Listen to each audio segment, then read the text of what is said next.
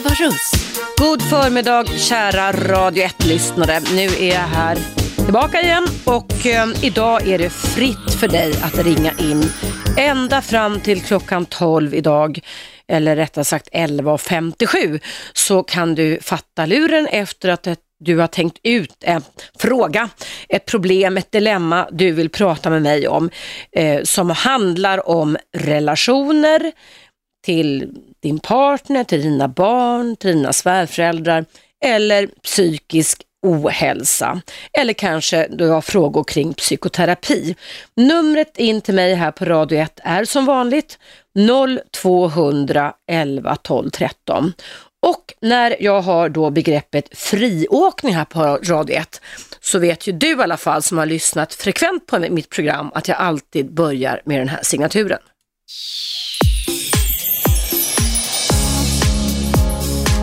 Ögonöppnaren med Eva Russ. Mm, ögonöppnaren är en vetenskaplig fördjupning. Idag ska jag prata med dig om eh, föreställningar som många par kan leva i, nämligen den att såren går aldrig att läka. Det kan ju vara så att din partner har betett sig okänsligt, egoistiskt, dumt, huvudlöst, kränkande, elakt, dumdristigt, försumligt, nonchalant och sårande. Och inte bara en gång utan kanske en väldig massa gånger. Ni har kränkt varandra, ni har sagt dumma saker till varandra och ni har brutit löften ni dyrt och heligt lovade att ni aldrig skulle göra. Ni kanske har fifflat med sanningen, ni har lovat saker ni inte kunnat hålla och betett er själviskt, egoistiskt och struntat i den andres behov. Och nu har såren samlats på hög, de har blivit till djupa skärsår, de har utvecklats till mördarbakterier. Och då känner du och din partner att nej, det går aldrig någonsin eh, så att få tillbaka en sårläkning i våran parrelation. Och då säger jag så här, vilken bullshit. Klart att ni kan träna er på att plåstra om varandra igen. Därför, lyssna nu, livet på jorden och i era parrelationer handlar om hur ni bedömer risker och det handlar om att plåstra om sår. Situationer kan uppstå där våra partners kan reagera på sätt som vi inte känner igen. Och ofta kan det vara stress som gör att man överreagerar och att Eh, era beteenden blir starka och överdrivna. Men faktum är att jag har ju i mitt arbete som psykolog och psykoterapeut mött mängder av par som har varit så övertygade om att såren de har tillfogat varandra aldrig kommer att läkas. Men jag vet att det går genom ett hårt arbete att kunna läka dem. Det är nämligen så att hjärnan, era hjärnor, är så plastisk att den faktiskt kan förändras och den kan finna nya ledningsmönster ända tills vi dör. Tyvärr är det så att de negativa känslominnena som ni har tillfogat varandra har en tendens att stanna kvar längre inom oss. Men det går också att träna sig i att fokusera bort från de känslomässigt smärtsamma minnena mot mer goda och helande. För du och din partner har, alla har det, helande funktioner inom er sedan födseln. Visste du om det? Att era hjärnor faktiskt kan skriva ut recept på hur du kan tänka och släppa. Det gäller att, eh, att öva sig i att kunna glömma och gå vidare, liksom att lära sig av det som har skett. Alla människor kan någon gång eller några gånger i livet hamna i knasiga känslomässiga tillstånd. Eh, men det finns alltså gott hopp om sårläkning. Eh, därför så är det viktigt att du och din partner dagligen övar er på att fokusera på olika skäl ni hade till att ni valde just varandra. Eh, tänk tillbaka på de minnena du minns, de känslomässiga minnena du minns från tiden då ni blev kära. Minns du den dag då ni möttes? Minns du doften av den älskade? Beröringen? Känslan av att vara nära varandra? Första kyssen kanske? Smaken? Första middagen, resan. De här typerna av minnen kanske ni har glömt bort när andra negativa känslor tagit över eftersom era hjärnor är bra på att lagra och har svårare att släppa ifrån sig. Eh, och där är det ju faktiskt så att hjärnan kan lagra minnen från svåra situationer och reagera som om det skedde idag. Och därför så är det oerhört viktigt att både att man tränar sig på att öva sig att förlåta och att man också faktiskt kan älska varandra igen fast man har tillfogat varandra djupa sår. Och nu pratar jag absolut inte om eh, dysfunktionella, destruktiva parrelationer där man eh, slår varandra med fysisk eller psykisk misshandel utan jag pratar om vanliga, de, alltså den förhärskande modellen där man lever tillsammans men där man då tillfogar varandra olika typer av sår. Och där säger forskningen, och det är det här som är viktigt, att om ni ska komma ur de negativa looparna där ni har tillfogat varandra en väldigt massa mentala sår, så behöver ni faktiskt dagligen jobba med att öva upp er flexibilitet och bli mer utforskande. För även om ni har tillfogat varandra sår och sårat varandra så kan ni öva er i att kunna släppa taget och gå vidare. Och det sägs, det är inte jag som har kommit på det, men det sägs från en forskare i USA som jobbar med relationer att det krävs ungefär fem nya goda handlingar i en parrelation för att kompensera för en dålig. Och då talar jag alltså inte om att pengar eller presenter ska ges, utan det handlar om vänliga sociala handlingar som visar att du och din partner vill läka de sår som ni eller du har tillfogat den andra. Man visar, du visar konkreta beteenden som ska lugna ner istället för att stressa upp. Man vet också det, att meditation kan laga sår och man vet också det att sårläkande övningar som till exempel beröring kan utlösa kärlekshormonet oxytocin och det kan faktiskt modulera såriga upplevelser och sårade känslor. Då ni vidrör varandra så kan ilskan minska. Och det har också visat sig att när man då vidrör varandra och får kärlekshormonet oxytocin som utlöses så kan också den ökningen av det kärlekshormonet eh, associeras med att du och din partner automatiskt faktiskt får mindre farotankar och mindre farokänslor. Och det medverkar också så, oxytocinet, så att det påverkar era hjärnors belöningssystem och får era hjärnor att ställa om sig till ett viloläge, alltså ett antistressläge där ni kan uppleva lugn och ro. Eh, så det går att komma över och det går att återkomma till sårläkning i parrelationer. Och för att dra en växel av denna eh, ögonöppnare då, så är ju det lite samma läge som du och jag befinner oss i idag när vi nu har nedräkning för hur många dagar som Radio 1 har kvar. Det är en nedräkning för dig som lyssnar och det är en nedräkning för mig. Och det är ett sår, det är ett känslomässigt sår som vi alla kommer stå inför. Vi kommer att separera, vi kommer att bli av med någonting som vi har tyckt väldigt bra om, som vi har stått i känslomässig och tankemässig och ljudmässig förbindelse med. Och då kan det ju vara så för många av er så att ni tror att ni kommer aldrig någonsin att kunna bli glada igen och ni kommer aldrig någonsin att kunna lyssna på någon annan radiokanal. Men då kan jag säga till er, det kan ni visst det.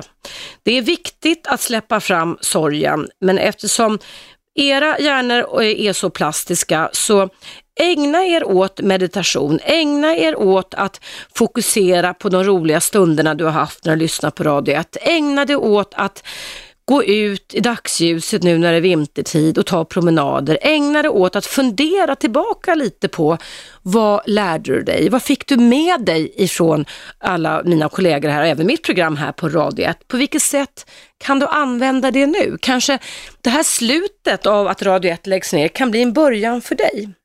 Eh, använd Radio 1 nedläggning och dina tankar och känslor och inre bilder som en gåva till dig själv. Försök se det som en utmaning där du också, precis som jag och vi andra som blir utan jobb här efter årsskiftet, får jobba också på, just det, flexibla beteenden flexibla beteenden. Jag har själv börjat tänka i flexibla beteenden, att eh, kommer med massa av olika tankar och funderingar på vad jag ska göra nästa år. Och det är ganska häftigt. När man kommer in och över på den sidan så finns det alla möjligheter för både dig och mig som lyssnar att få såren läkta. Ja, det är alltså friåkning. Det var slutet på min ögonöppnare idag. Så ända fram till 11.57 idag i direktsändning så kan du ringa in till mig och ställa frågor som har med relationer, psykologi, psykoterapi, psykisk ohälsa att göra.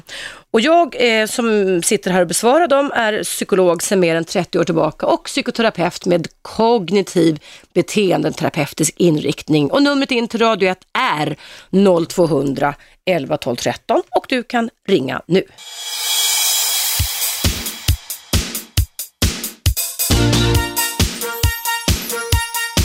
Radio 1. Eva Russ.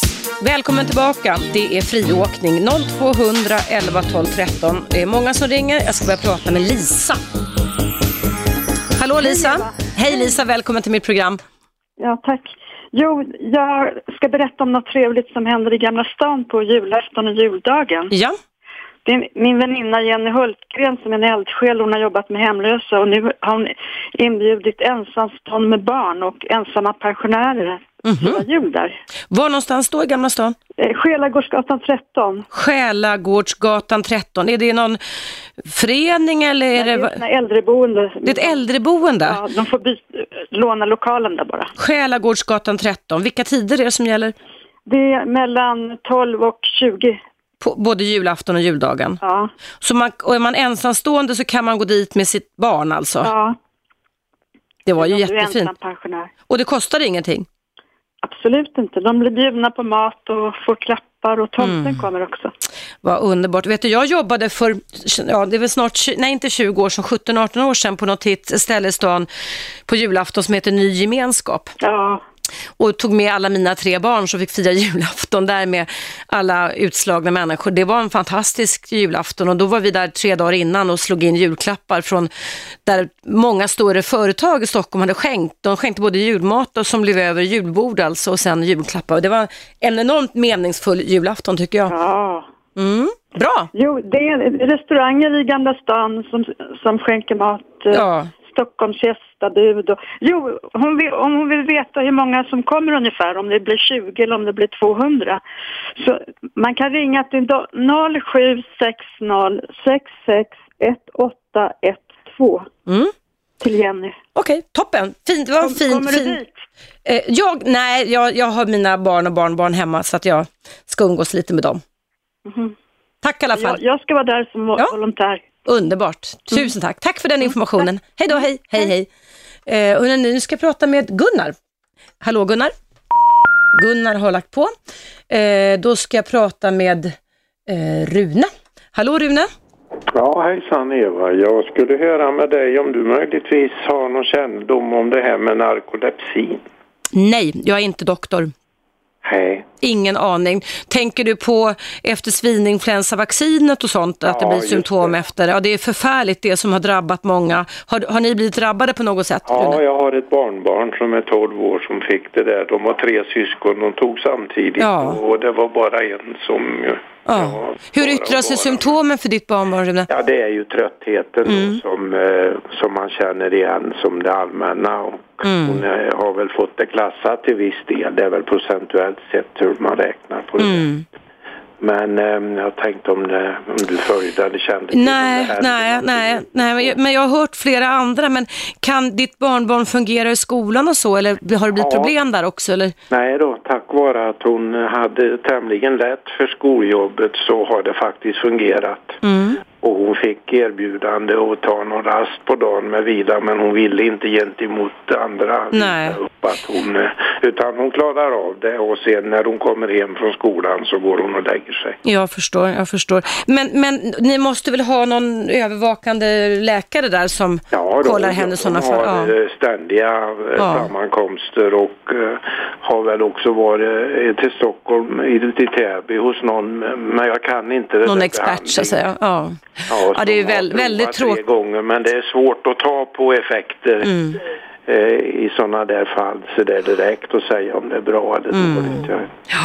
Och det, det, när det gäller, jag har ju också små, små barnbarn, men när det gäller ens barnbarn så blir man ju e- på något vis extra blödig, eller hur? Alltså man, Ja, man, man, det är det. är på Det är- något vis det är- en, värre nästan än att vara ens eget barn. jag Ja, vet inte är hur. det på Visst är det det konstigt alltså? Ja. Ja, det är väl så många brukar skoja och säga barnbarnen skulle man vilja haft först. Först, för det eller har hur? man ju Ja. väldigt stor behållning av. Ja. Det- Nej, vad tråkigt att höra Rune, men jag kan tyvärr ingenting om det. Men Nej, okej, jag jag hoppas att det blir, det blir bra för ditt lilla Jag vet ju barnbarn din också. breda kompetens. Jag tänkte du kanske möjligtvis... Du är gullig. Nej, jag är inte läkare, jag har inte någon medicinutbildning tyvärr. Nej, okej du. Tack, i alla fall Rune. Ja, tack ska du ha. Hej. Då, hej.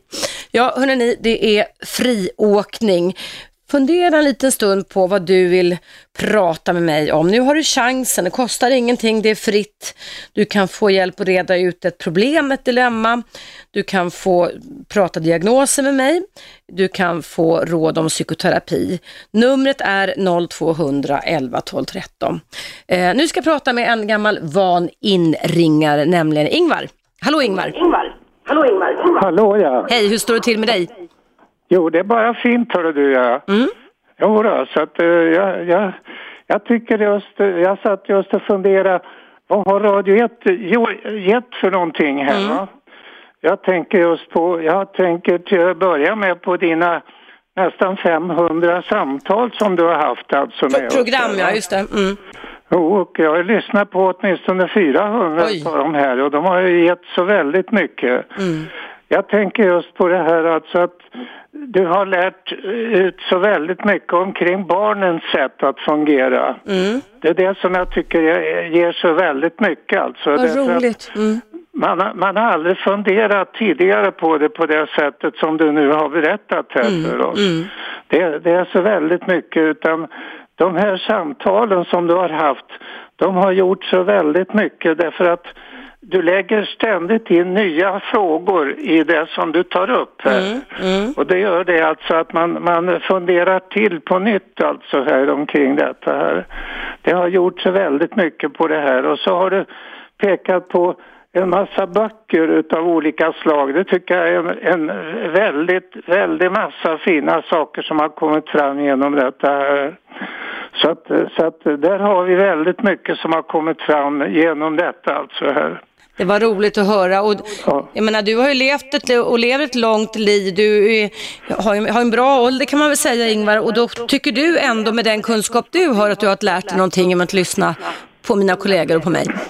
Jo visst förstår du. Tänk om jag hade vetat det här under den tiden man var aktiv alltså. Vad det skulle ha gjort mycket med, med de saker som man då hade pratat om här på olika sätt här.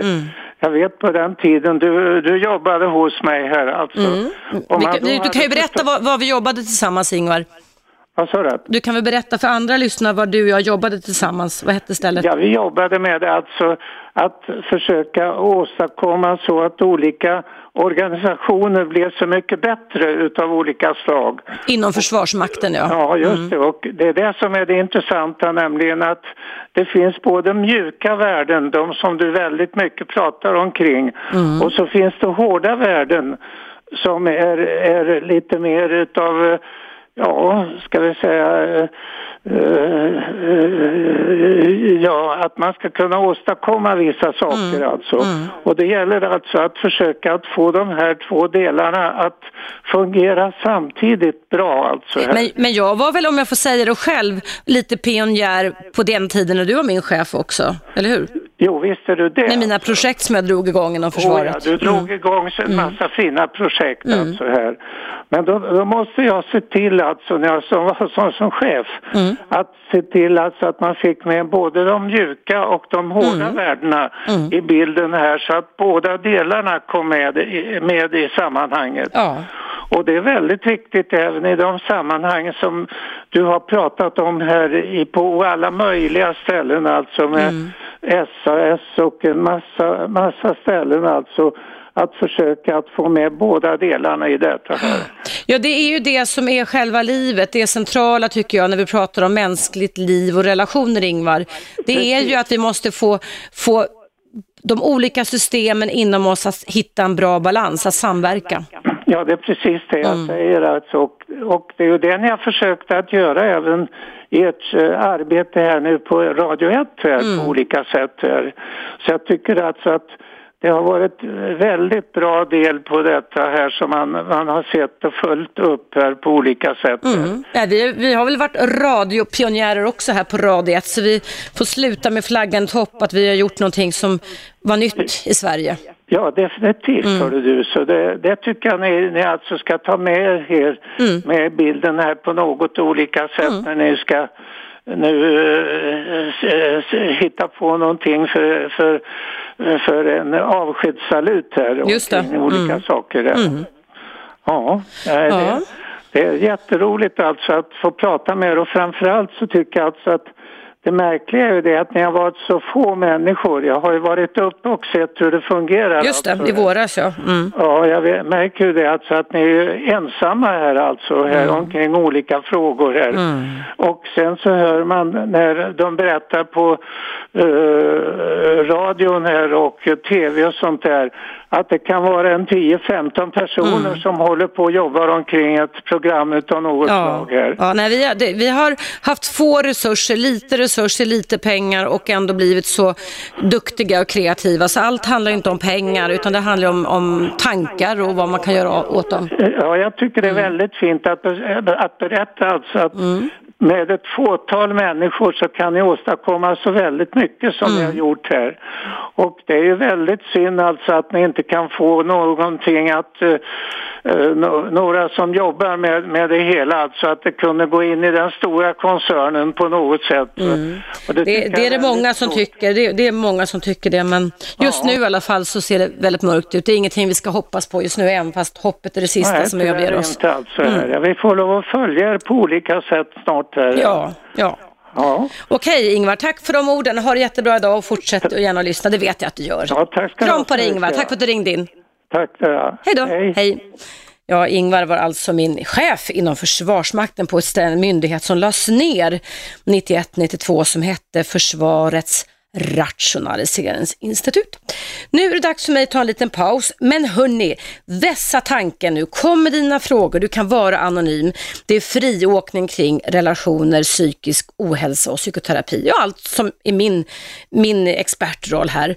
0200 11 12 13. Du kan också mejla till mig. Mejladressen är eva radio1 snabel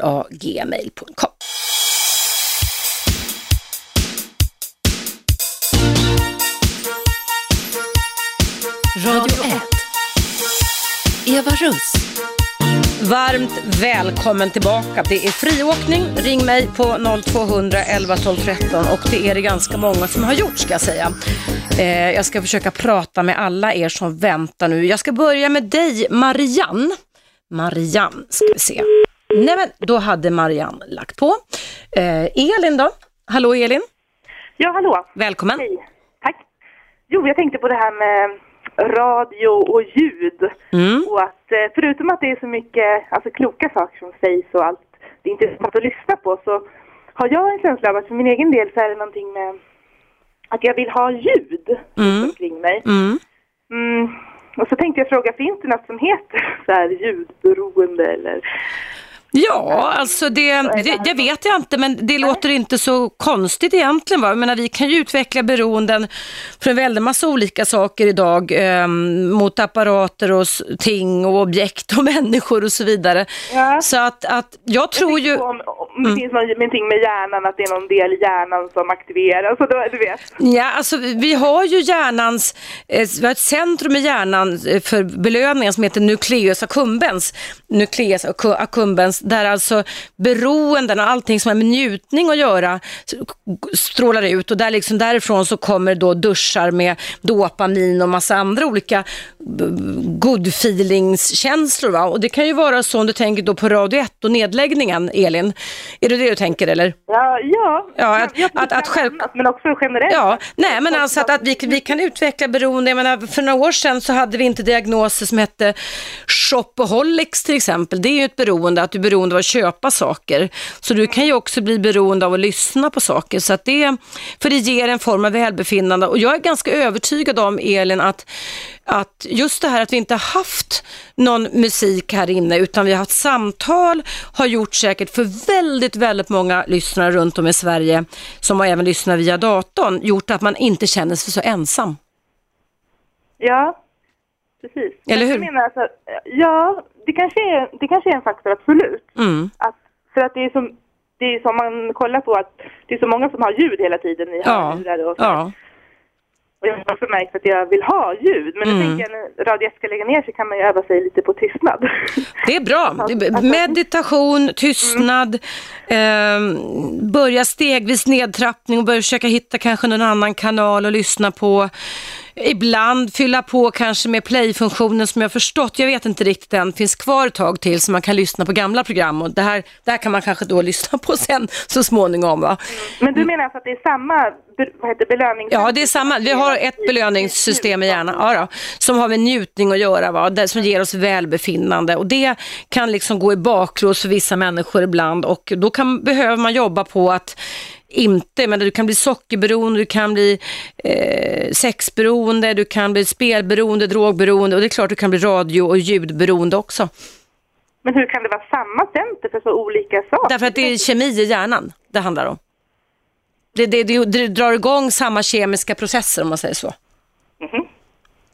Intressant. Ja. För beroende, ja, för, för belöningssystem. Jo, det är samma. Det är bara att det beror på person och situation vad det är man hakar fast i eller vad man blir beroende av. Liksom. Okej. Mm. Tack. Tack ska du ha. Tack för att du ringde in Elin. Hej så länge. Hej. Hej. Hej. Ja, ehm, det är ju faktiskt så att vi har ett centrum i hjärnan som heter, som har med belöningar att göra och det kan då klicka igång och dra igång och göra att man blir beroende. Ehm, vi har nog en väldig massa beroenden som vi kan vara beroende av om man ska kunna säga så. Kanske till och med också då att det blir problem med avvänjningen av beroendet av att lyssna på Radio 1. Nu ska jag höra med Matte eh, som har väntat en stund. Hallå Matte, Tjena, välkommen. tackar. Eh, det här som jag tänker ta upp med det, jag ska se om jag kan försöka få till det på något sätt. Mm. Eh, det är en grej som eh, min dotter pratade med mig om bara för några dagar sedan som faktiskt börjar skrämma mig över en utveckling som jag eventuellt kommer få se frukten av eh, om ett par år framöver. Mm. Hur gammal är dottern får jag fråga bara? 17. 17. Mm. Ja, och det är det här med att eh, majoriteten av, det, ja, de flesta ungdomar av idag överhuvudtaget hänger på nätet, på Mm. ja, sociala medier på ett eller annat sätt. Mm. I princip hela, hela deras lediga tid. Mm. Och eh, det här leder då till att det, det umgänge som de har är bara de som de har som kompisar via de här sociala medierna. Mm. Vilket då till, till syvende och sist leder till att när dessa individer då, ska ut och, och eh, eh, träffa varandra, eh, IRL som man kallar det för, då, eh, så har de inte de sociala koderna Mm. som vet du, det, en, eh, en vanlig individ har som har lärt sig av ja, till exempel sina föräldrar eller vid vanlig typ mänsklig Mm. kontakt om Mm. hur man ter sig och för sig. Håller helt och hållet med dig. Jag känner samma oro Matte. Och eh, det här har jag sett en del frukter av nu över hur, ja, hur, hur man beter sig. Man, man, eh, ja, det, det är helt okej till exempel att, eh, att gå hem till någon som man är till exempel är vän med på typ, ja, Facebook, Instagram eller kalla vad du vill. Ja. Det är helt okej att gå hem till den personen i fråga och ta det man tycker är helt okej att det här vill jag ha. Nej, Och ta, jo men det är sant. Man, vad liksom, säger du? Ja, spärrarna finns inte. Eh, Det är helt okej liksom att... eh, Det är så här att om man skriver saker och ting till varandra. Det jag har ju hängt på en del chattar och sådana saker Mm. ända sedan slutet på 90-talet själv. Och det där är ju så här att om man skriver till varandra på en chatt, då, Mm. blir, då blir ju språket bara skrift. Mm. Istället för att man då talar till varandra. Du ser inte personen i fråga i ögonen. Nej, du får ingen doft ingen beröring, ingenting. Nej. nej. Inget tonfall, Mm, ingenting nej. sånt överhuvudtaget. Vilket leder till att det kan bli ja, väldigt massa missförstånd och sådana Oh ja, saker. oh ja. Mm. Men har man heller inte spärrarna Mm. så, så är det ju mycket, mycket lättare att då ja, eh, säga saker och ting som man tycker att det här behöver jag inte stå för överhuvudtaget. Förstår du? Det blir Mm. på många sätt, eh, det blir väldigt, väldigt mycket hårdare Mm. gentemot varandra. Och Vi, vi min dot- mm, förlåt. om min dotter i det här fallet till exempel har råkat ut för att jag till exempel träffar på en kille till exempel som ja, tyck, ja, säger att han är, ja, han är så himla seriös i förhållanden och all, allting som det är liksom som värsta svärmaren skulle vara i, i det vanliga verkliga livet då. då. Mm. Och sen så liksom, ja, träffas och sen så, ja, och precis, ja, ja sex och sådär och sen så, en, ja, typ ett par timmar senare bara dumpa och sen så bryr sig inte. Mm. Brist, Och- brist på medkänsla kan vara en stor, stor uh, brist som kan upps- uppstå när vi relaterar på det sättet du beskriver, Matte. Och grejen är ju den att när man vet, ja, och grejen är ju den att när man hänger då bara på nätet utan ja, vad man ska kalla det för uppfostran ifrån ja, äldre förebilder till exempel Mm. föräldrar och sådana saker. Då, då blir det helt okej att köra de här racen på grund av att man har inte spärrarna inbyggda överhuvudtaget. Mm. Och det där, det skrämmer mig med Mm. tanke på att det är väldigt, väldigt många unga idag som faktiskt hänger på nätet och blir då i princip uppfostrade eller brist på uppfostrade i, i den utveckling vi har idag. Ja, det finns till och med så att, att jag ibland kan gå och tänka, Matte, att vi håller på och nedmonterar de förmågor vi genom evolutionen har utvecklat. Att vi alltså, att vi, mm, och det, kan, det, det är läskigt vad det här kan bli om 30-40 år kanske, eller hur? Ja, dessa Mm. individer som man Mm. ser idag, ja, men man hade ju trots allt hänsyn till varandra även om man var typ ja, var det 12 år, Mm. 15 år, 17 år. Man, hade, man tog i varje fall hänsyn till Ja. varandra. Man körde inte på man körde inte på och raceade som till två stycken treåringar i sandlådan där man inte, där man inte fa, haft, eller fattade konsekvenserna av sina ageranden. Nej. Ja, det, det är obehagligt på ett sätt och vis om i och med att den här utvecklingen fortsätter på det sättet som den gör. Vi blir relationshandikappade eller vi börjar relatera på andra sätt i alla fall. Ja, och det, så länge som vi är beroende av beröring och dofter och hudkontakt och kroppskontakt och ögonkontakt så vi inte får det så blir det brister. Det blir brister som kommer uppstå inom oss. Ja, och sen som man då har, som i fallet med min dotter, att man liksom, vi har ju pratat med varandra under hela hennes uppväxt och sådana Mm. saker. Så att hon har ju en hel del av de här koderna. Mm. Och eh, en tjej som då eh, har dem, träffar på en som inte har det, ja men de, Mm. de, hon kommer att bli sårad och förlora det hur många gånger som Ja, helst. ja. Det som lär sig att hon är tvungen att sätta upp ja, diverse olika larmsystem in i hjärnan så liksom Mm. att vara på sin vakt. Just det. Jag tycker det är för jävla synd att man ska behöva göra. Mm. Jag håller med dig helt och hållet i detta Matte. Jätteviktiga Mm. aspekter du tar upp. Vi kan se om det finns andra lyssnare eller inringare som vill hänga på detta. Det borde finnas folk som har Ja. sett det här mer än jag faktiskt. Ja, eller hur? Ja. Ja. Ja, men jätte, jätteviktiga argument du kom med. Tack så jättemycket för de reflektionerna Matte. Ja, tack så. Hej då, hej. Hej. Ja, jag håller verkligen med dig Matte där, därför att vi håller på, evolutionen har ju sett till att vi har blivit bättre och bättre och då har man liksom fimpat olika typer av beteenden som vi inte har någon nytta av, som man kan säga, korta versionen så att säga av evolutionen. Eh, och här håller vi på med någon slags evolution själva, precis som du Matte sa, där vi slutar att relatera utifrån hur vi är skapade just nu. Det där kan bli eh, brister, det kan bli frustrationer, det kan bli ilska, det kan bli aggressivitet. För så länge som vi människor funkar fortfarande på stenåldersnivå, för evolutionen med kroppen tar miljontals år innan den förändras.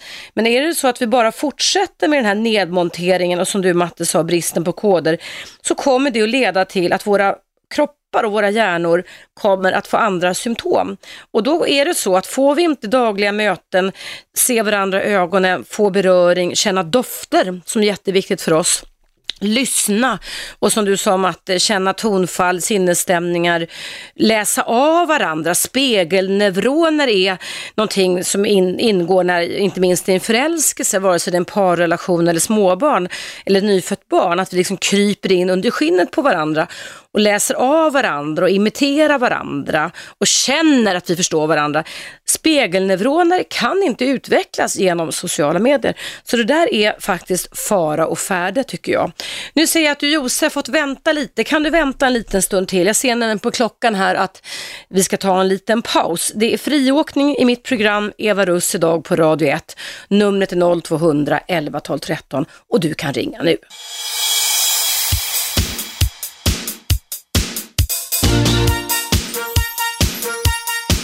Radio 1. Eva Russ. Välkommen tillbaka, det är friåkning och nu ska jag prata med dig Josef. Jag hoppas att du är, har orkat vänta kvar.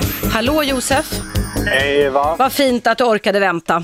Ja, det är lugnt. Tack ska du ha. Nej, jag, ja, men jag, jag menar att eh, man har så många beroende sen. Man har blivit själv beroende av Radio 1. Mm. Det är ett problem. Har du lyssnat mycket på oss genom åren Josef? Det- Alla repriser. Dessutom eh, min tjej hon börjar tycka det är jobbigt. Så Radio 1 har kommit emellan er och orsakat en liten kris alltså? Nej, inte så Nej. farligt att vi bråkar. Hon Nej. sa, kan inte du sä, sätta på något annat kanal? Ja. Nej, jag nej jag... eh, Det, det. Jag, eh, det, Mm. att, eh, så att man blir på något sätt... Jag följer alla. Jag följer det ju sen Cissi Wallin, sen eh, heter han eh, Ro- Robert Aschberg. Mm, mm. Jag tycker det är underbart, ni har jätteprogram. Det, det är verkligen samhällets problem, förstår Mm, jag, på mm. gott och ont. Mm. Så att eh, de här, jag, vet, jag fattar inte. I andra länder, de är ganska populära de här kanalerna för att folk är trötta på samma Ja, eh, på musik och, ja det just kan det. man höra när man vill, förstår. Men det här med live och diskutera eh, samhällets problem på gott och Mm. ont som jag sagt. Det är jätteviktigt så att man lär sig, vi människor, man lär sig nytt varje dag. Och Mm. eh, verkligen, det är jättetrist att det ska läggas ner för att ni fått den här bästa kanalen och Mm. Och vi har fått så mycket priser och sånt. Nej, det är konstigt. Ja. att, eh, att, att staten inte bidrar till. Jag Ja. fattar inte det. Ja, nej, det, det, det fattar inte jag heller Josef om jag ska vara riktigt ärlig. Jag har aldrig varit med om, jag har ju jobbat mycket inom svensk idrottsrörelse på 80-90-talet, men jag har aldrig varit med om när man har, man har ett sånt verkligen vinnande koncept och vinnande lag, att man lägger ner det vinnande laget. Ja, men, det är konstigt. De, Ja. de slänger pengar dit och hit och kan, Mm. jag kan inte det här, till exempel ditt program, alltså det hjälper ganska många ensamma Mm. människor. Människor som har inte råd att gå till en te- terapeut eller Ja. psykiater. Uh, Cissi Wallin hjälper till exempel andra människor med Ja. sina problem. Det, det samma Robert Aschberg. Det är jättevinst för staten istället. De Det- det borde vara det. Ja. Eller kanske de känner sig obekväma med den här radiokanalen. Alltså, Ja. de vill, eh, de vill på något sätt eh, sopa under mattan att vi ska, eh, vi, vi ska inte komma till tal på något sätt. Nej, jag tror, det, då tänker man konspirationsteorier. Det, är lätt hänt att man kan tänka så, men den tanken har jag aldrig haft, Josef. Aldrig. Nej men eh, på något sätt, Mm. säger, den här det ska gå i demokrati alltså. Mm. Eh, För att vi kan inte påverka politiken på något sätt, men kan vi påverka det att på våra idéer, på våra röst på något sätt, Mm. att de ska skär, eh, skärpa sig, att de gör inte någonting. Man, eftersom inte, vi inte finns radiokanaler på något sätt, Mm. det blir lite, det blir de eh, bekväma på sättet. Mm. För politikerna ska vara obekväma för att som eh, försöker göra bästa till, eh, till medborgarna. Ja, ja. ja det är jätte, jätte, jättetråkigt. Ja, det är jättetråkigt, det är det verkligen. Men, Mm. eh, Hur som helst, jag tycker du är en jättefin människa. Tack så Jag mycket. brukar höra med dig, eh, höra dig hela tiden. Tack, det Och var, sköt om dig. tack så mycket gull. Det var jättegulligt av dig. Sköt om dig själv bra. Josef och Hej, din hej. relation. Hej då, hej. Hej. Hörrni, ni, eh, det är friåkning här. Man kan både ringa och mejla till mig. Eh, Jag vill passa på att bara kommentera en sak.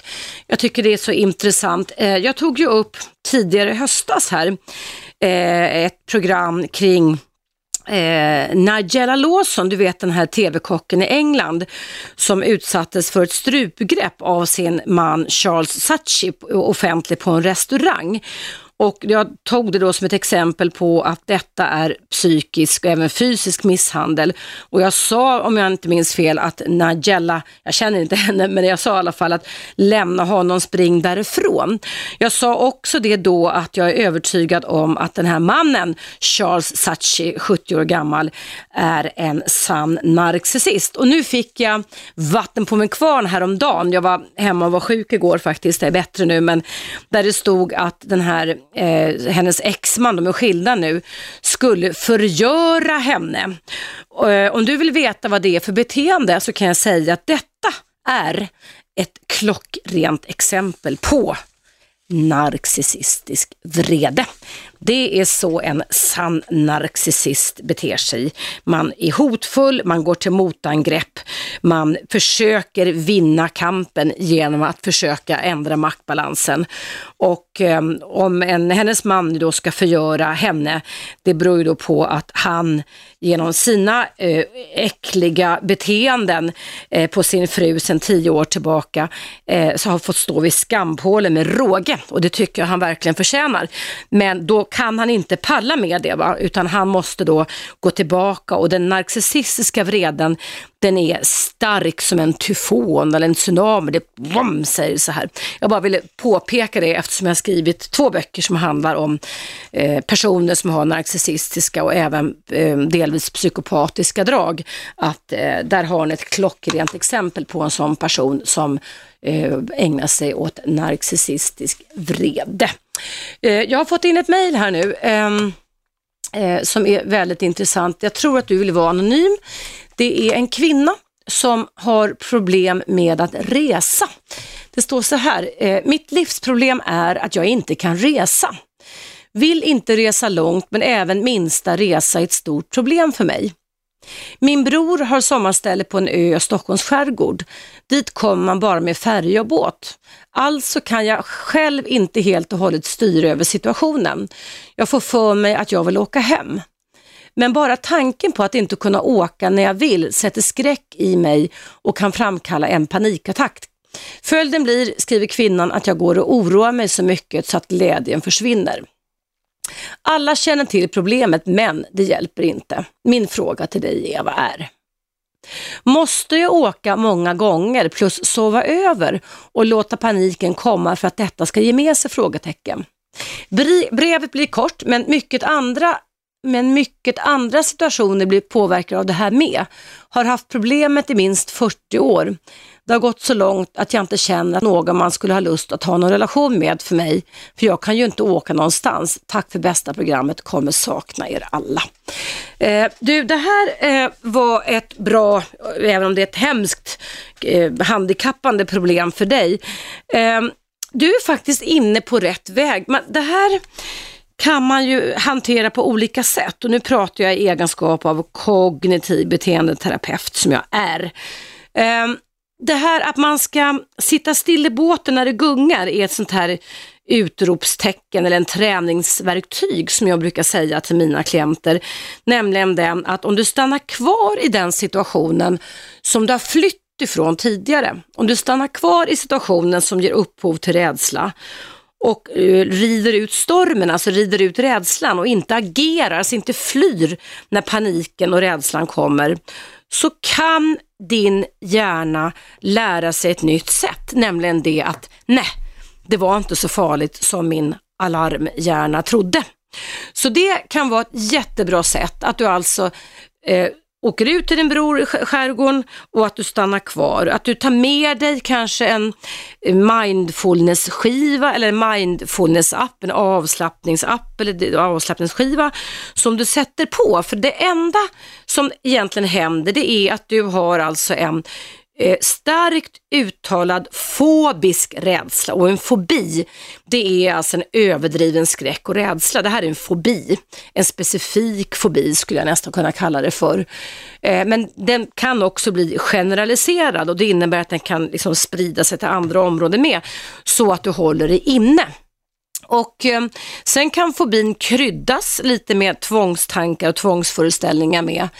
Ehm, och då är det faktiskt så att man får öva sig på att närma sig och stanna kvar i de situationer som ger upphov till problemet och lugna ner sig. Därför att många eh, klienter när man upplever paniken och den här jättestarka rädslan eh, reagerar ungefär som när man får ångest, va? att man vill slita av sig kläderna och man bara spring, spring, spring liksom till andra sidan jordklotet. Eh, men ångesten går inte ända upp till månen eller Mars. Det, det, känns så i kroppen.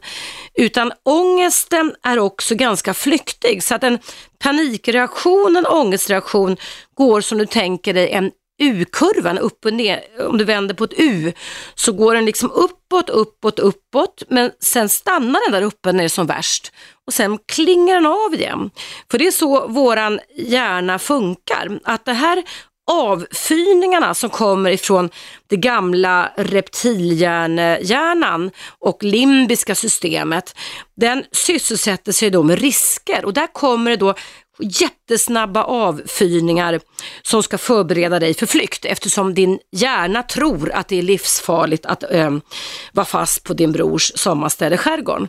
Men om du då sitter kvar i skärgården och lugnar ner dig så kommer alltså den här alarmreaktionen att klinga av och om du då inte flyr utan stannar kvar så kommer din hjärna sen, alltså du sitter still i båten när det gungar, så brukar jag uttrycka mig i alla fall, så kommer din hjärna att lära dig på någonting nytt. Och då kommer din hjärna att lära sig, nähä, det här var inte så farligt som jag trodde. Så du är verkligen inne på rätt väg. Och jag tror att om du skulle kunna öva dig på det, du kvinna som har mejlat mig kring detta, så tror jag faktiskt att det också, det brukar oftast vara så att det kan bli en så kallad spridningseffekt. Så att du kommer att få hjälp att du tar kontroll över dig själv i en specifik situation. Så ger det dig en bättre självkänsla, ett bättre självförtroende. Du har fått ett verktyg som funkar och då kan du använda det i andra situationer med. Hjärnan kan även generalisera bra saker. Den kan generalisera fara, men den kan också generalisera icke-fara. Så träna dig på det. Eh, ta tjuren vid hornen och öva dig på detta så ska du se att det kommer kännas jättebra sen. Hörrni, det är friåkning. Nu ska du få en nyhetsuppdatering. Jag heter Eva Russ och du lyssnar på Radio 1. Numret är 0200 11 12 13 och jag är psykolog sedan många år tillbaka och kognitiv psykoterapeut. Ring in vettiga och ställ dina frågor innan det är för sent här på Radio 1.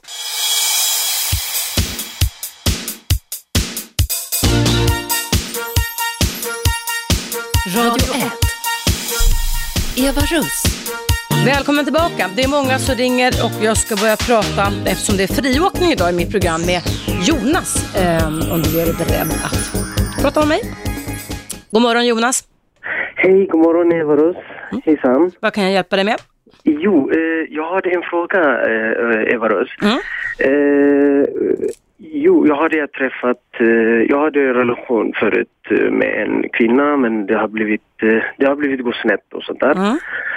Och jag har två barn med och nu hade jag träffat en, en kvinna, eller mm. ja, hon är 37 års ålder mm. och hon har två, tre barn. Mm. Och jag kunde inte komma in, alltså med klicket ju, alltså den här blicken klicken, alltså vi, vi, vi klickar med varandra. Mm. Eh, alltså det finns någonting, en känsla mellan oss. Ja, är ni ihop alltså nu eller är ni inte där än eller? Nej. Alltså det är inte där, alltså vi mm. håller på att lära känna med varandra. Ja. Men eh, jag känner mig så rädd för det. Mm. Eh, jag vill ju gärna göra det, men eh, eh, som jag har varit ju på dåligt relation och... Tidigare ja. ja. Och tidigare mm. och sen jag kunde inte komma in bara direkt. Jag förstår. Du är lite bränd kan man säga från ditt tidigare relationsliv. Precis, precis. Mm. Ja. Vad får det för konsekvenser för dig då? Vilka beteenden får du när du är rädd inför den här nya kvinnan då, Jonas? Eh, du menar alltså med, min beteende eller? Ja just det, hur, hur, gör du då? Vad händer liksom inom dig? Eh, alltså det är rädsla bara. Mm. Alltså, jag vill inte såra henne för att jag har blivit sårad förut. Men eh, avbokar era möten då och svarar inte telefon och så tänker. Alltså får det sådana konsekvenser eller? Eh, alltså, alltså det, det, det, det finns ju massa konsekvenser. Alltså jag tänker ju hela tiden, alltså min, min beteende, alltså jag, jag, jag har inte gjort den än. Alltså jag Nej. svarar i telefonen, jag ringer Ja, och det är bra. Så att hon märker inte att du är rädd, men dina tankar är rädda istället. Eh, jo, det var i måndags när vi var på, vi satt ju eh, åt middag tillsammans. Så Mm. Hon sa till mig, alltså det är lite, du har lite avstånd. Du, du är reserverad på något sätt, sa hon. Alltså hon Mm. märker någonting Mm. när jag pratar eller när jag sitter med henne. Och, Men, men vad svarar du henne då? då?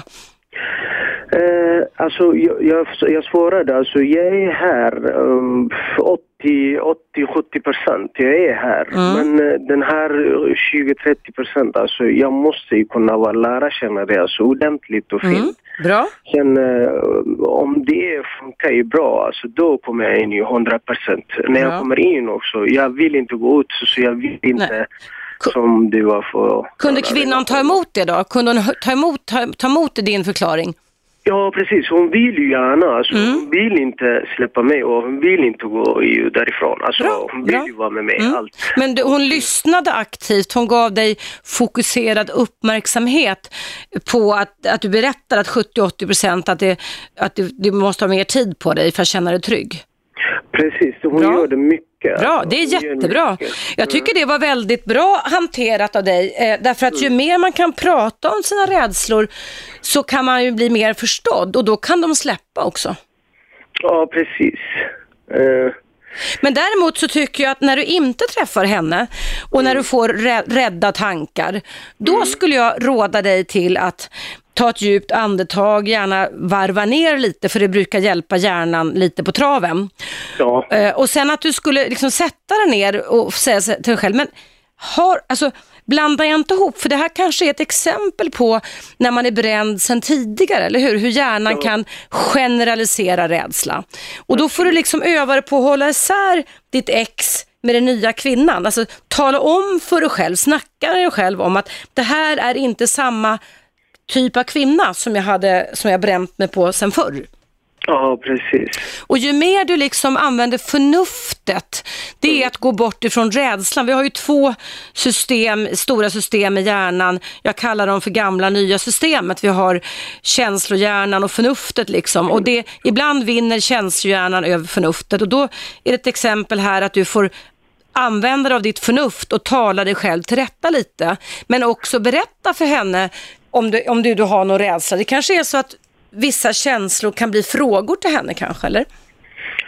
Eh, jag, jag, tror, jag tror det också. Mm. Alltså, Att du liksom ställer en fråga, jag är rädd för det här, hur tänker du kring det, vad tycker du om det? Så att du får upp, halar upp alla de här rädslokänslorna du har inombords. Ja, precis. Det är det jag tänkte göra. Så först jag kan ringa bara och få lite Mm. Och ställa lite och- frågor och säga att jag behöver, det här gör jag bara för att jag ska kunna känna mig lite lugnare. Eh, och jag tycker det är bra, alltså, jag tror att väldigt många människor Jonas borde lyssna lite mer på sig själva. Inte så att man blir så rädd så att beteendena blir att man fjärmar sig. Men att man i alla fall tar det lite lugnt. För det är viktigt det här med urvalet av en ny partner om man har åkt på pumpen som man kan uppleva på olika sätt tidigare. Att man inte har för bråttom. Utan att det är en process där man säger, lyssnar, går hem och tänker och så vidare. Va? Så jag tycker att du gör ett bra jobb med dig själv. Och det du har gjort hittills och du har berättat för henne tycker jag är väldigt bra. Härligt, fint. Tack Så, så, så fortsätt med det Jonas. Ja, Ja, jag har en fråga till också. ja okej det är lugnt. Om, jag, om jag inte tar tid. Nej, nej, nej, jag är här för din jo, skull. eh, Mm. Tack så mycket. Eh, jo, jag har en fråga. Jag har det träffat Hugo, men jag har träffat barnen och sånt där. Och, Hennes, eh, hennes tre barn hennes alltså. barn, Mm. alltså de, eh, de vill inte jag ska gå därifrån och eh, men alltså den jag märker det när jag var där, alltså Mm. det kan vara lite känsligt men jag, jag vill gärna bara fråga, jag vill gärna bara veta. Mm. När de separerat med hennes man, alltså han var ju lite sån här alkist och sånt där. Mm. Alltså, han, blivit, han har ju förstört allt och med barn och sånt. Men jag vill inte prata om djupt. Och eh, den, den som jag vill gärna bara fråga, lilla flickan, alltså emellan, hon är fem år. Och eh, hon pratar om ju eh, pappas snippa, så den är väldigt hård eh, och sånt. Hon pratar om hela tiden. Usch, usch, usch. Vad Alltså, hemskt. jag, jag, blir, jag, blir, jag blir bara... Ja, det, låter, det låter oroväckande det du. Det, det låter inte bra det. Nej. Precis, alltså jag bara, bara jag blir chockad. Alltså. Ja, det, det, får du ta upp, det får du ta upp med din nya dejt där och, och ta henne åt sidan och fråga vad är det jag hör för någonting? Vad, har det hänt något, något form av övergrepp i våran familj? Hur var din man? Det där låter inte riktigt okej. Ja, Eller inte alls okej rättare sagt. Ja, då har jag frågat henne. Mm. Nej, det har inte hänt något. Men jag blir, eh, hon, är, hon har ju rädsla av det för att eh, hon, hon är rädd för honom. Eh, han är sån här konstig människa. Så, Sin, alltså, din, eh, din, din nya kvinna är rädd för sin man. Precis. Mm. Och eh, det är därför hon har inte ens eh, frågat. Och sen när jag kom hit, eh, varför säger du så? Alltså, jag bara, bara frågar, en liten fråga, så sa jag till lilla Mm. flickan. Nej, jag bara, nej jag vill inte säga någonting mer om det. Alltså, jag, nej, det är bara... Mm. Men du, eh, du, du, du har ju tid på dig nu. Du behöver Mm. inte välja en blivande fru det första du gör, va? utan mm, ja, precis. Dejta, gå hem och fundera. Man möter saker. Det här var förfärligt om det nu skulle vara så, för att en femåring som pratar om det här tycker jag skulle kunna ge i alla fall en indikation på att det är något riktigt kajko där i Mm. familjen. Men du har tid på dig och du har inte förbundit dig, du har inte lovat guld och gröna skogar, Nej, utan ta lite tid på dig och smält det här lite. Men som sagt, jobba även med dina rädslor och ring henne i sådana fall och prata om de här sakerna tycker jag. Ibland kan det vara lättare att ringa när man inte behöver se varandra liksom och prata, precis. eller Det kan vara hur? lite, ja, Ja. precis. Det lite, lite, alltså jag menar, man har ju lite, när man säger ju mot emot, alltså det kan vara lite... Mm. Ja, det men öva dig på det då och sen en vacker dag så törs du se i ögonen mer. Lycka till Jonas så länge med detta. Tack så hemskt mycket. Tack. Varos. Lycka till. Ja, tack Hej då. så mycket. Ha det Hej. gott. Hej. Hej. Eh, ja, eh, Anders har ringt in. Hallå Anders, Ja, hejsan. välkommen. Tack. Du, jag har en fråga eh, egentligen eh, angående det här du pratade om eh, före pausen där. Mm. Det här att man, att man lär sig, eh, om man utsätter sig för obehagliga saker så lär man sig att, att, att säga, stå ut med det om man Mm. är inne i situationen. Ja. Eh, och det förstår jag, det, jag håller med dig helt, jag förstår att det fungerar så. Va? Men, och då, min fråga är så här, en person som har ADHD, Mm. eh, fungerar det på samma sätt där eller är det något annat som så att säga inte gör att det inte fungerar på det sättet? Jag är inte ADHD-expert. Jag hade ju Birgitta Jäversjö här som är ADHD. Hon har gjort 500 utredningar. Jag törs inte svara. Sök upp henne på hennes hemsida och mejla och ställ frågan till henne istället. Vad sa du att hon hette då? Birgitta Jäversjö. Jä, jo, Jäversjö tror jag hennes hemsida heter. Ja. Det är bättre för jag kan inte någonting egentligen om ADHD faktiskt, tyvärr. Nej, okej. Okay. Ja, nej, men vad bra. Mm. Okej, toppen, tack. Hej då, hej, hej. Sen kan man väl ändå säga det då att mental träning och avslappning det är ju bra för alla människor oavsett om man har en eh, bokstavsdiagnos eller inte. Så att eh, mental träning är bra för alla människor. Det är ett sätt att påverka, mata hjärnan med lugn och stabilitet. Eh, nu är det dags för en liten paus, ser jag här på klockan, men det är inte för sent för dig att ringa in ändå. Det är friåkning kring relationer och ehm, annat psykologi, psykisk ohälsa. Numret är 0200 11 12 13.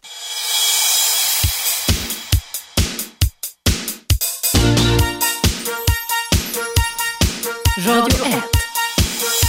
Eva Russ. Välkommen tillbaka. Det är friåkning. Numret är 0200 11 12 13. Om du vill prata med mig om saker som berör relationer eller psykoterapi eller eh, psykisk ohälsa. Eh, nu ska jag prata med Irene som verkar ha en fråga till mig. Hallå Irene. Ja, hej, det är Irene här. Mm, välkommen. Ja, tack ska du ha. Eh, jo, jag tackar för boken också jag fick, Lindas resa. Ja, vad bra. Du var en av dem som, när Linda Haglund var här, ja. Just det. Ja, precis. Jag tackar så jättemycket för den. Och jag är också så här bedrövad och ledsen över att allting ska släckas ner på Radio 1. Mm. Men eh, jag tycker alla som har jobbat där har gjort en helt fantastisk insats. Jag håller med allihopa som har föregående talare. Men jag tycker absolut att du ska göra en insats i skolan. Själv har jag jobbat som lärare och jobbat på försvaret också, för du har ju också gjort det. Ja, just det. Vad jobbade du i försvaret någonstans då? Jag jobbade på Ursvik på, Jaha, FRA. på flyget där. Ja, just det. Ja. Fast de la ju ner allting så att då accelererade jag till skolans värld. Mm. Och eh, jag skulle önska allt att du kom ut i skolan och lärde alla elever om relationer och du kan ju så mycket om barn och du är ju fantastisk. Jag har ju lyssnat på dig i två och ett halvt år och skrivit ner det mesta av vad du har lärt mig. Är det sant? Vad roligt.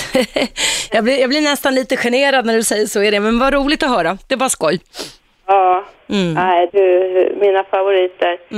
Eh, ja, vad kul att du tycker det. Och jag hoppas verkligen att du kommer att kunna accelerera också. Det kommer, det du pysslar med kommer att bara bli positivt och bra för dem du gör det till. Mm, vad du är gullig. Nej, jag, jag har ju haft funderingar, fick det, jag var hemma och var sjuk igår nämligen, jag åkte på en, min andra sån här brakinfluensa förkylning.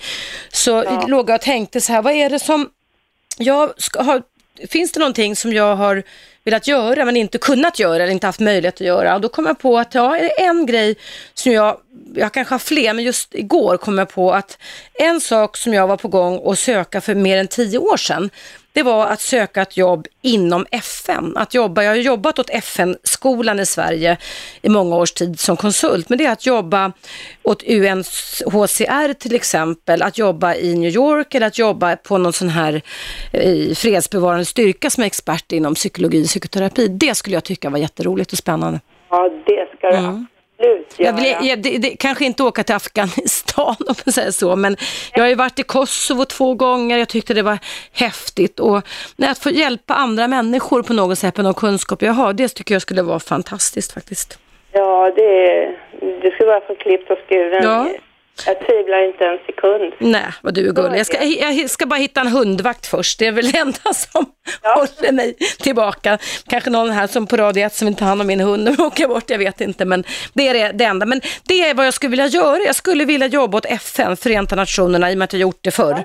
Så skulle jag vilja göra det. Så jag ska titta, i helgen tänkte jag på deras sidor. De rekryterar oftast via New York, så att säga högkvarteret där.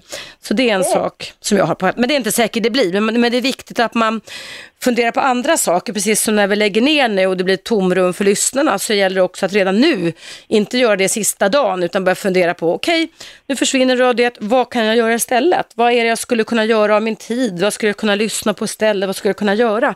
Så att vi håller igång våra hjärnor och är mer framtidsinriktade. Ja, absolut. Det där är ju hundraprocentigt det du säger. Så har du, du har ju kontakter redan kanske inom det området. Nej, jag hade det förr, för jag har jobbat mycket åt, åt Förenta Nationerna på deras polisutbildning kring krishantering och debriefing och posttraumatisk stress. Men, men eh, jag ska kolla, jag ska kolla, jag blir ju ledig här liksom efter nyår, så jag ska bara kolla lite. Jaha, lova mig det då. Jag, jag lovade det, jag lovade det. Ja. Tack snälla Irene och tack för uppslaget. Och god jul förresten. Tack detsamma. Hej då, hej hej. Hej. Ja, hörni, det är friåkning. Eh, det är fritt för dig att ringa in. Johan har väntat länge. Jag ska se om Johan är kvar. Är Johan där? Ja, Hej, välkommen. hej, tack så mycket. Eh, mm, ja, jag vet inte riktigt vart jag ska börja. Eh, jag har väl mer eller mindre kört fast i livet tycker jag. Mm. Eh, jag är i mina tidiga, 20, tidiga 20-årsålder och eh, jag har ett jobb, alltså jag har ett liv som funkar och sådär. Mm. Men jag är lite själsligen inte tillfreds och sådär. Mm. Vad har du för symptom om jag får ställa den frågan? Eh, symptom är väl att det är liksom lite efterkrigstid. Alltså jag har tagit mig igenom tonåren och det som har hänt ja, sen under uppväxten och sådär. Mm. Och jag har väl kommit dit att jag har bearbetat ganska mycket. Mm. Kommit en bra bit på vägen men, eh, Ja. men som sagt det är lite så här, det är mycket tomrum som ska fyllas efter alla sår och sådär som har läkt. Mm. Eh, Och det känns som att det är mycket sociala aspekter eller mänskliga regler som jag som jag liksom fortfarande slåss med faktiskt. Mm. Mm. Eh. Sover du gott om natten? Ja, hyfsat. Ja, natten sover jag ganska gott. Mm. Och du kan utföra ditt jobb som du har idag så att säga? Inte, alltså, det är inte jobbrelaterat. Nej jag vet, men du, du funkar på jobbet. Alltså, din hjärna kan fokusera och koncentrera sig på dagliga liv arbetsuppgifter. Funkar. Ja, mitt liv funkar. Problemet är att, eh, eller mitt liv funkar, men jag, eh, vad ska man säga, man spelar ju upp, eh, spelar ju väldigt glad. Jag är ofta väldigt glad på gott Mm. humör, men det kommer sådana dagar när det liksom dippar, men så är det ju för alla. Men, Mm. Eh, Är, är det insikten och tankarna på det du varit med om under din uppväxt? Du pratade om efterkrigstiden, det är som efter, du har varit med om svåra saker under din barndom och uppväxt. Ja, alltså det, jag tänker på dem, men de har jag bearbetat. Alltså jag, Ja. jag har accepterat att de finns Ja. där och det är en del av min Men vad är det som kan få dig att känna tomrum då? då? Eh, Det är just att jag inte vet riktigt hur jag ska gå vidare. Okej. Alltså det, det är Mm. lite så här, jag, vet, jag ser problemet, jag vet lösningen, men eh, det är fortfarande så är det svårt att ta det där jävla steget. Det är, liksom, det är lite som att man försöker hitta från punkt A till B, men man har ingen jävla karta. Mm. Eh, Mm. Det, Du har inte funderat på att gå och prata några samtal med en motsvarighet det till mig? har jag. Du har gjort det eller? Ja, det, jag gjorde det redan i gymnasiet när jag liksom hade påbörjat min resa till Mm. rehabilitering och sådär. Mm. Eller, ja, Men, men det är kanske länge sedan sist, det kanske behövs ett litet varv till. Ibland kan det vara bra att ha någon att snacka med för att kunna få lösgöra tankar och få liksom rätt inriktning i livet. Ja, alltså jag gjorde ju det också sen innan. Jag var uppfluten från, eh, från Gotland. Jag gjorde, pratade med en hjärnskrynklare innan jag flyttade. Och det är Mm. då i juni. I år. Ja, i år precis. Och vad fick du med dig där då, de samtalen? Det kom till slutändan att de tyckte jag skulle börja med bandy och så här. Men det är ju för att då kunna liksom stöta mig med andra människor. För det är Börja, det- börja med bandy. Mm. Ja, men precis för att lära mig det här med att, att man, man, man, gör någonting med kampanda och liksom sport. Är du, är du bandyfrälst då? Bandy nej, och nej, Gotland nej, ja. lå- låter väldigt långt borta från varandra tycker Ja, jag. men, men, men så här att jag... Det är väl det här med att jag har ju då jävligt svårt att...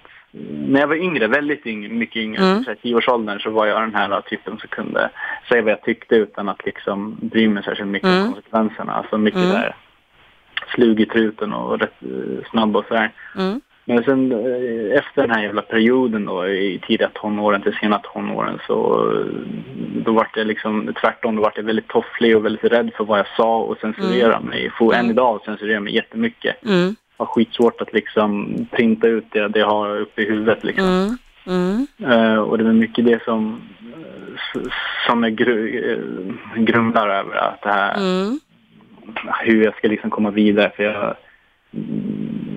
jag, jag sitter bara och nöter på det här. Jag vet, jag vet hur situationen Men tycker du att du nöter och nöter och nöter? Alltså har det blivit lite tvångstankar för dig då, Johan? tvångstankar, men jag är en Ja. Jag tänker och analyserar Jo, men alltså tvångstankar det är ju då att man inte kan motstå de frekventa impulser som kommer och som gör att man inte kan släppa taget om det här. Är det så mycket grubbel du har, tycker du? Nej, Nej. utan det är bara vissa, är då och då, vissa dagar det går jävligt långt ner. Mm. Så då, då kommer den här realiteten upp att det, jag är fortfarande kvar på, på, på den här uh, ruta ett och försöker ta Mm. mig till ruta två. Okej, så du skuldbelägger dig själv också? Ja, det, det, precis, det, det går ju hand i hand den här skiten. Mm. Men ja, det, det, skulle Och om du skulle öva det då? det är mer ill, att jag är ill, ill, arg och frustrerad över mig själv. Okej. Att jag inte liksom kommer vidare. Men om du skulle öva dig själv varannan dag från och med idag, att så fort som du börjar grubbla tillbaka, att bestämma dig för att sätta dig och räkna ett komplicerat mattetal i tio minuter. Men det löser inte mitt problem. Jo, men det gör att du tränar dig på att inte gå in och grubbla så ofta. För du grubblar kring sånt som redan är gjort och vi kan inte förändra det som är gjort enligt KBT-terapin. Vi kan förändra det som är nuet vi kan inte, alltså gjort är gjort och det låter som att du återkommer till brottsplatsen lite ofta. Ja, jo, det, det, det låter faktiskt ganska logiskt. Ja, jo, det, visst, så, så kan det Att, vara. att öva dig på att säga gjort är gjort, punkt. Däremot kan du säga, vad kan jag, vad kan jag lära av detta? På vilket Ja. sätt kan jag använda mig av det nu så att det blir någonting positivt, någonting du kan öva dig på dagen därpå istället? Ja, och det är där, har, där satte du fingret på eh, punkten. Hur jag kan göra det, göra det bättre, alltså vad jag kan uh, lära mig av det. Och sätta jag punkt. ju- Alltså, jag har ju sagt i radion det att man, är, är väl ett bra sätt är att man sätter en icke stasande gummisnodd runt ena handleden och sen får man, ha, har man den på sig dygnet runt och när man sen börjar grubbla och gå tillbaka till brottsplatsen kring saker som man ändå inte kan förändra, för gjort är gjort, då får man klatscha, ge sig själv lite stryk, alltså klatscha till sig själv lite och sen säga högt till sig själv, punkt. Ja men jag menar, nej, punkt va, klatsch, punkt. Jag förstår, jag, Mm. jag använder det till en viss del, men det här, nu är det inte så mycket det grubblandet det handlar om, utan Nej. det handlar om att jag ska komma vidare och utvecklas. Att Men välj, välj ut en grej, välj ut en grej då av det från det förgångna som du övar på. Ta en enkel grej och börja öva dig på det den kommande veckan. Bara ta, ta inte, lös inte hela världen på en gång. Ta en grej och jobba med det. Okej. Och, och, och lägg liksom en positiv förväntan att fan vad kul, nu ska jag verkligen ha nytta av det här. Det här ska jag öva mig på. Och det behöver inte vara någon stor grej, men det är, det är en viktig grej för dig, ett steg för dig, så att du får en lättnad inom dig och kan känna yes I can. För det är det du inte tror du kan just nu. Nej, de här specifika sakerna så blir ju så. Så fundera lite på det och återkom gärna. Jag är ju här i alla fall minst två och en halv vecka till, så att det finns tid att prata vidare kring detta, Johan. Mm, mm, coolt. Övning ger färdighet. Övning ger färdighet. Mm. Eh, det här med att vara väldigt, det är ju typiskt svenskt också, att vara väldigt problemorienterad, att man hela tiden löser problem. Strunta med det, Sl- sluta med det. Sätt Jag, jag vet, jag vet, jag vet, Mm. jag vet. Men det är det, det, här, det, det är det här som är svårt att göra. Ja, absolut. Det, och det är därför du måste öva dig på det. Att, att, att inte gå in i problemen, inte gå in i det förgångna, och inte mata dig själv med det, utan säga stopp, punkt, klatsch med gummisnodden på handen. Så ja, att men, du... men då känns det som att då... ja, Så här, alltså det händer ju, det är ju det är väldigt märkliga saker som händer i samhället. Människor blir våldtagna, blir Mm, dödade, ja, ja. blir Men då, barn- du, du alltså kan inte lösa alla världens problem och det är det som är risken för att du, du gör om du ska gå tillbaka och grubbla för mycket. Ja, men problemet är att de försvinner inte. Problemet ligger kvar där. Ja, nej. Men, men då blir det lite tvångsmässigt som det du pratar kring. Men du, eh, du får öva lite som jag säger och sen får du återkomma. Lyssnar du på oss ofta här på Radio 1? Jag försöker, jag har ju har jobb så att jag, Ja, jag kan men du kan ju lyssna efteråt på play-funktionen också. Gör lite som jag säger om du vill ha råd av mig och sen får du återkomma så får vi se hur det går. Okej, jag ska ge det ett försök. Ifrågasätt inte övningarna utan gör dem bara, skulle jag vilja säga. Jag, jag tackar så jättemycket. Toppen, tack själv, tack själv. Hej, hej, hej. Hörrni, eh, det är dags för en nyhetsuppdatering. Jag heter Eva Russ och det är friåkning. 0200 11 12 13 eller mejl evaradio1 snabela gmail.com.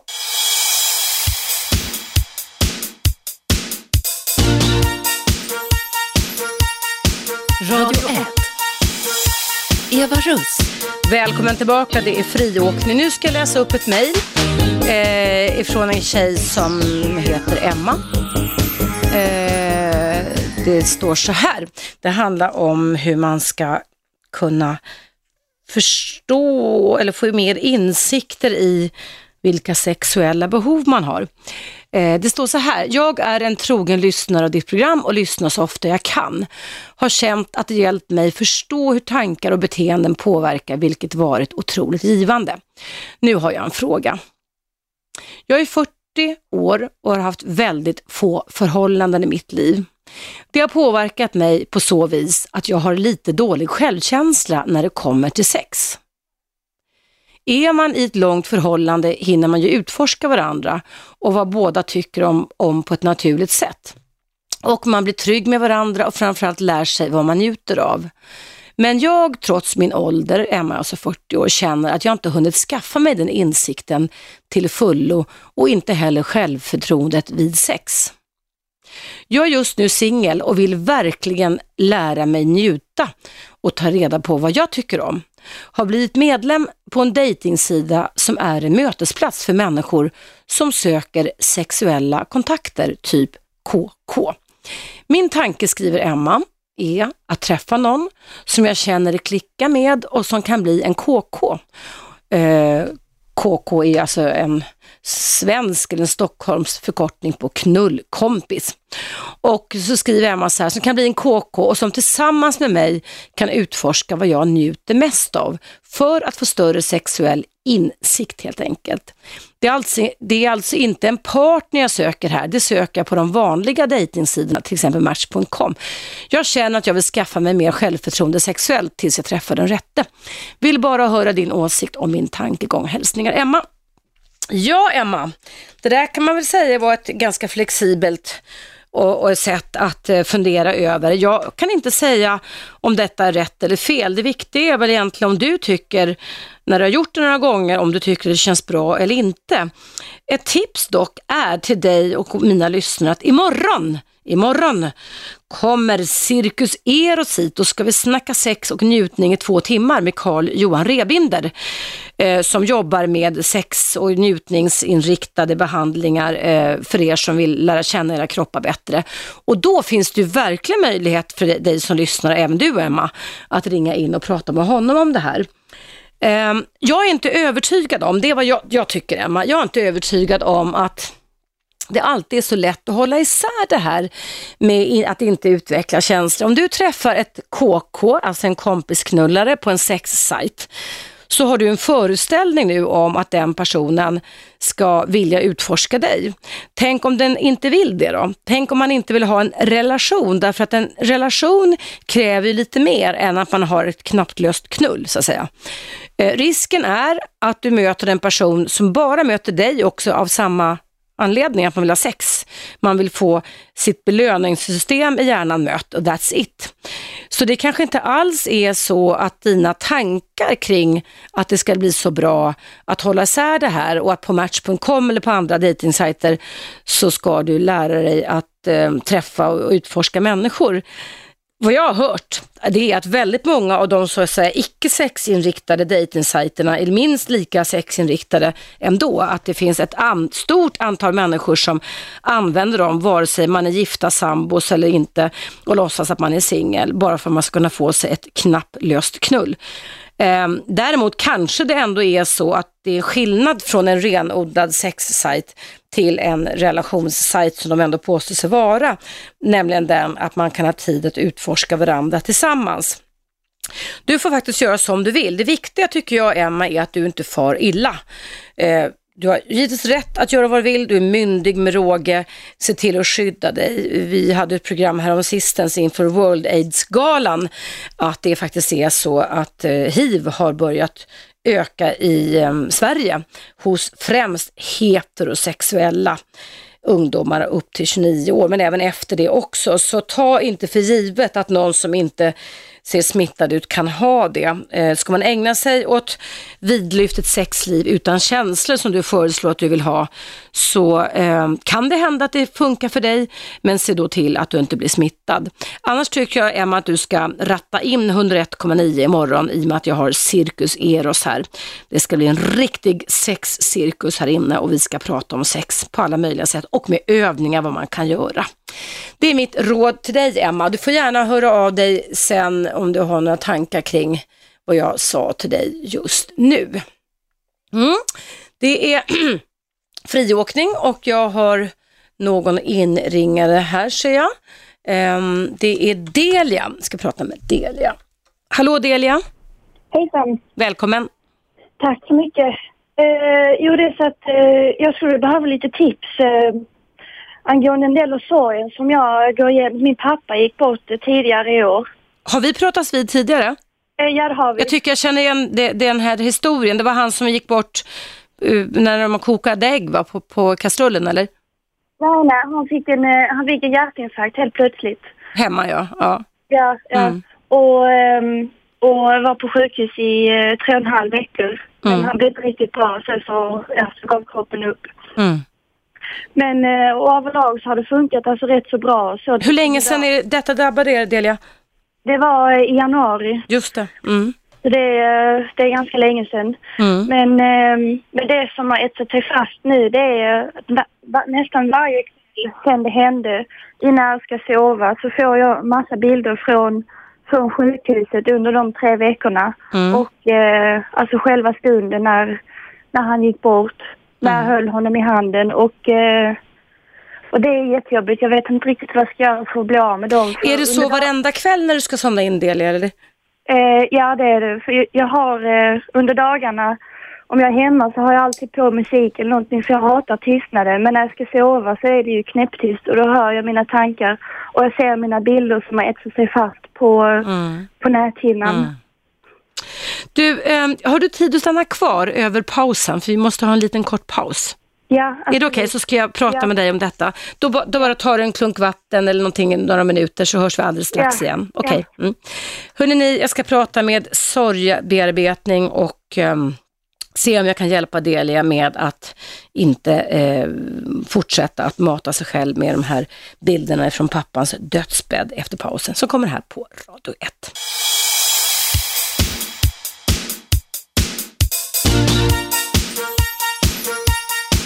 Radio 1. Eva Russ.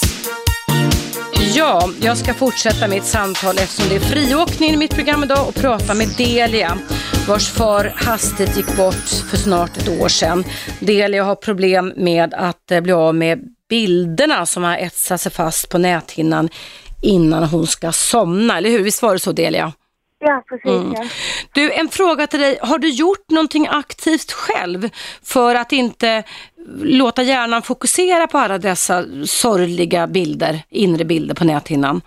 Eh, ja, alltså jag, jag visste inte förrän på senare tid att det var så eh, att det har varit så traumatiskt för mig. För Mm. i början när det hände så gick jag och pratade med någon fram tills jag kände att det inte behövdes mer. Mm. Men, eh, men det jag har gjort det är det att jag har, jag har skrivit ett brev eh, som om det vore till min pappa. Mm. Och, eh, och det, var, det var riktigt jobbigt. Och eh, tanken är att jag någon gång ska läsa det högt också så jag får höra mig själv säga det och sen så ja, kasta brevet eller bränna upp det eller vad som helst. Mm. Men annars har jag inte gjort någonting. Därför att vad jag tänker är, alltså, eh, jag tänker om du, det, det är dag nu och sen är det kväll ikväll när du ska gå och lägga dig och sova. Då tänker jag att om du skulle då liksom öva dig lite självmant på och säga lite som jag sa till, tror jag Matte jag pratade med eller vem det var här idag, att nu ska, att du ska fylla hjärnan med någonting annat. Alltså att du eh, läser en bok och så vidare och skulle du känna, känna liksom att och tänker efter i bilder, vad framkallar boken för bilder och mig och om du sen då känner att din hjärna börjar vandra vägen då eh, mot de här bilderna på pappa, att du också liksom där, säger, nej vänta nu ska jag tänka på den här boken, ska tänka på den här bilden istället, som är liksom motsats till pappabilden om man säger så. Mm. Det kan vara ett sätt att jobba på, men en annan fråga som jag får för mig här, eller som väcks hos mig, det är, känner du någon slags skuldkänsla kring det här med att din pappa gick bort? Eh, ja, lite. Det känns... Eh, för den, den värsta känslan under den perioden var också hjälplösheten.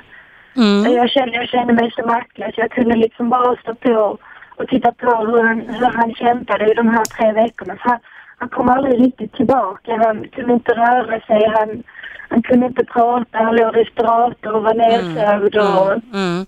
Och Det var har du, har du då gått och tänkt efteråt att du kunde gjort mer än vad, vad du gjorde? Det var ju sjukvården som gjorde det i och sig, men... ja, jag vet inte riktigt rationellt sett vad jag hade kunnat göra men, men känslomässigt Ja. känns det som jag kanske kunde varit där med jag var där varje dag. Och, Och då sätter vi punkt, pricken på i som det heter Delia. Då Mm. skulle jag rekommendera dig att gå till din doktor och berätta som det är och få en remiss till någon som kan EMDR, alltså traumabehandlingsmetoden med ögonrörelser. För det här är ett klassiskt exempel, och jag måste säga det till ni som lyssnar, när en traumatisk situation har etsat sig fast, fäst på näthinnan och där du också känner dig hjälplös och maktlös och lite i alla fall någonstans känner It, I wasn't good enough, alltså jag gjorde inte tillräckligt, jag skulle kunna ha gjort lite mer. Va? Då är det en form, inte att du jag säger inte att du lider av posttraumatiskt stressyndrom, för det kan inte jag ställa Mm. diagnosen, men det lutar lite åt det hållet och då kan det faktiskt vara så att man säger att hjärnan har gått lite baklås kring det här. Va?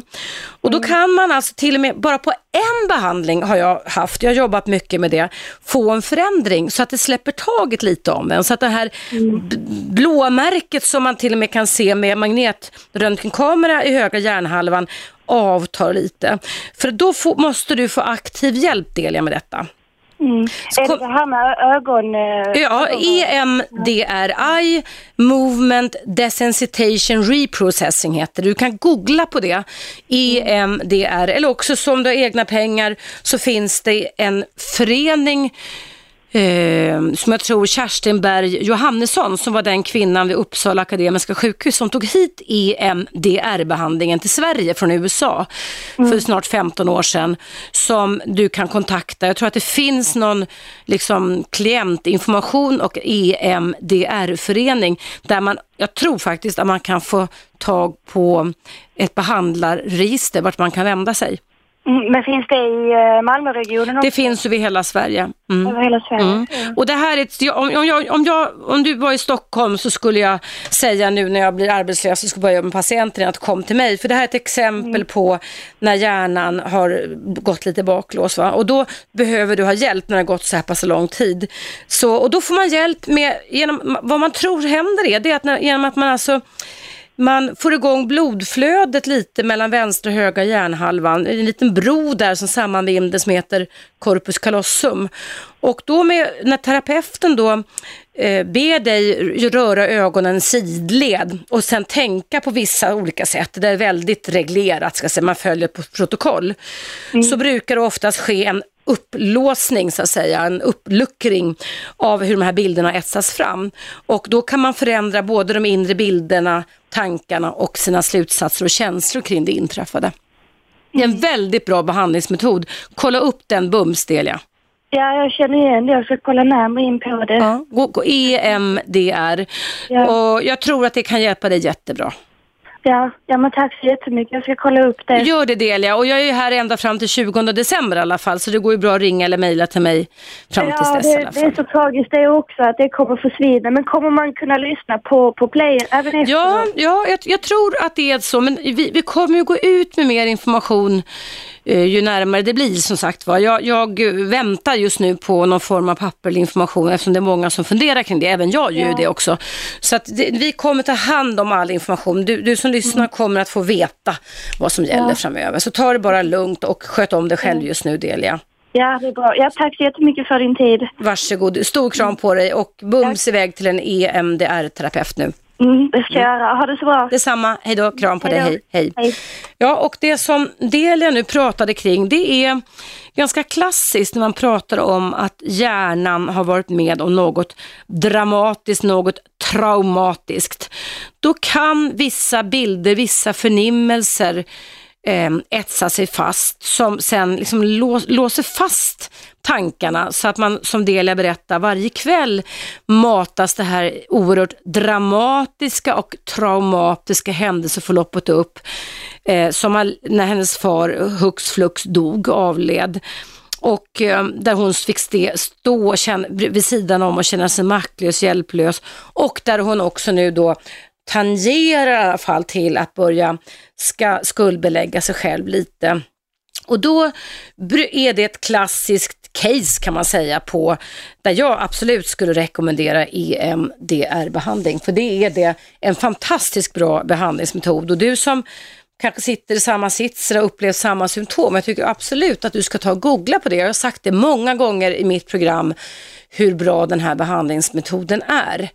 Eh, och det är viktigt att vi liksom får hjälp eh, med att luckra upp hjärnan på det sättet. Och, då, och det är heller ingen hokus pokus, det är ingen eh, knasterapi på något sätt, utan det finns stor evidens, alltså stor vetenskaplig bevisning och ehm, jag har faktiskt sparat, jag kan ju ta upp det någon gång nästa vecka, för i mitt fackförbund, Psykologförbundets facktidning, Psykologtidningen, så hade man i höstas ett stort reportage om just denna Kerstin Berg Johannesson som har tagit hit EMDR. när jag jobbade, min senaste anställning som chef inom barnpsykiatrin på en BUP-mottagning, så gick nästan halva våran mottagning, alltså läkare och psykologer och fick EMDR-utbildning hos Kerstin i Uppsala. Och eh, vi jobbade faktiskt även med eh, flyktingfamiljer som kom ifrån då det forna Jugoslavien eller andra länder också för den delen, där man använde EMDR med tolk eftersom vi då, eh, många av oss inte kunde deras språk. Och vet du om att det funkade alldeles utmärkt? Man kunde hjälpa småttingar som kom och var vettskrämda av allt de har varit utsatt för, alltså stark rädsla som kissa eller bajsa på sig, eh, att bli torra. Man kunde hjälpa mammorna eller papporna att få lugna ner sig. Man kunde nästan som i den här sången, sudda, sudda, sudda, sudda bort din sura min. Det är ju inte det va, men det var nästan lite så kring det här. Och jag tycker att det var alldeles eh, fantastiskt att få jobba med det. Om du vill lyssna på mitt program i repris så kan du ratta in 101,9 klockan eh, 8 ikväll, 20.00 ikväll så kan du lyssna på mitt program i repris.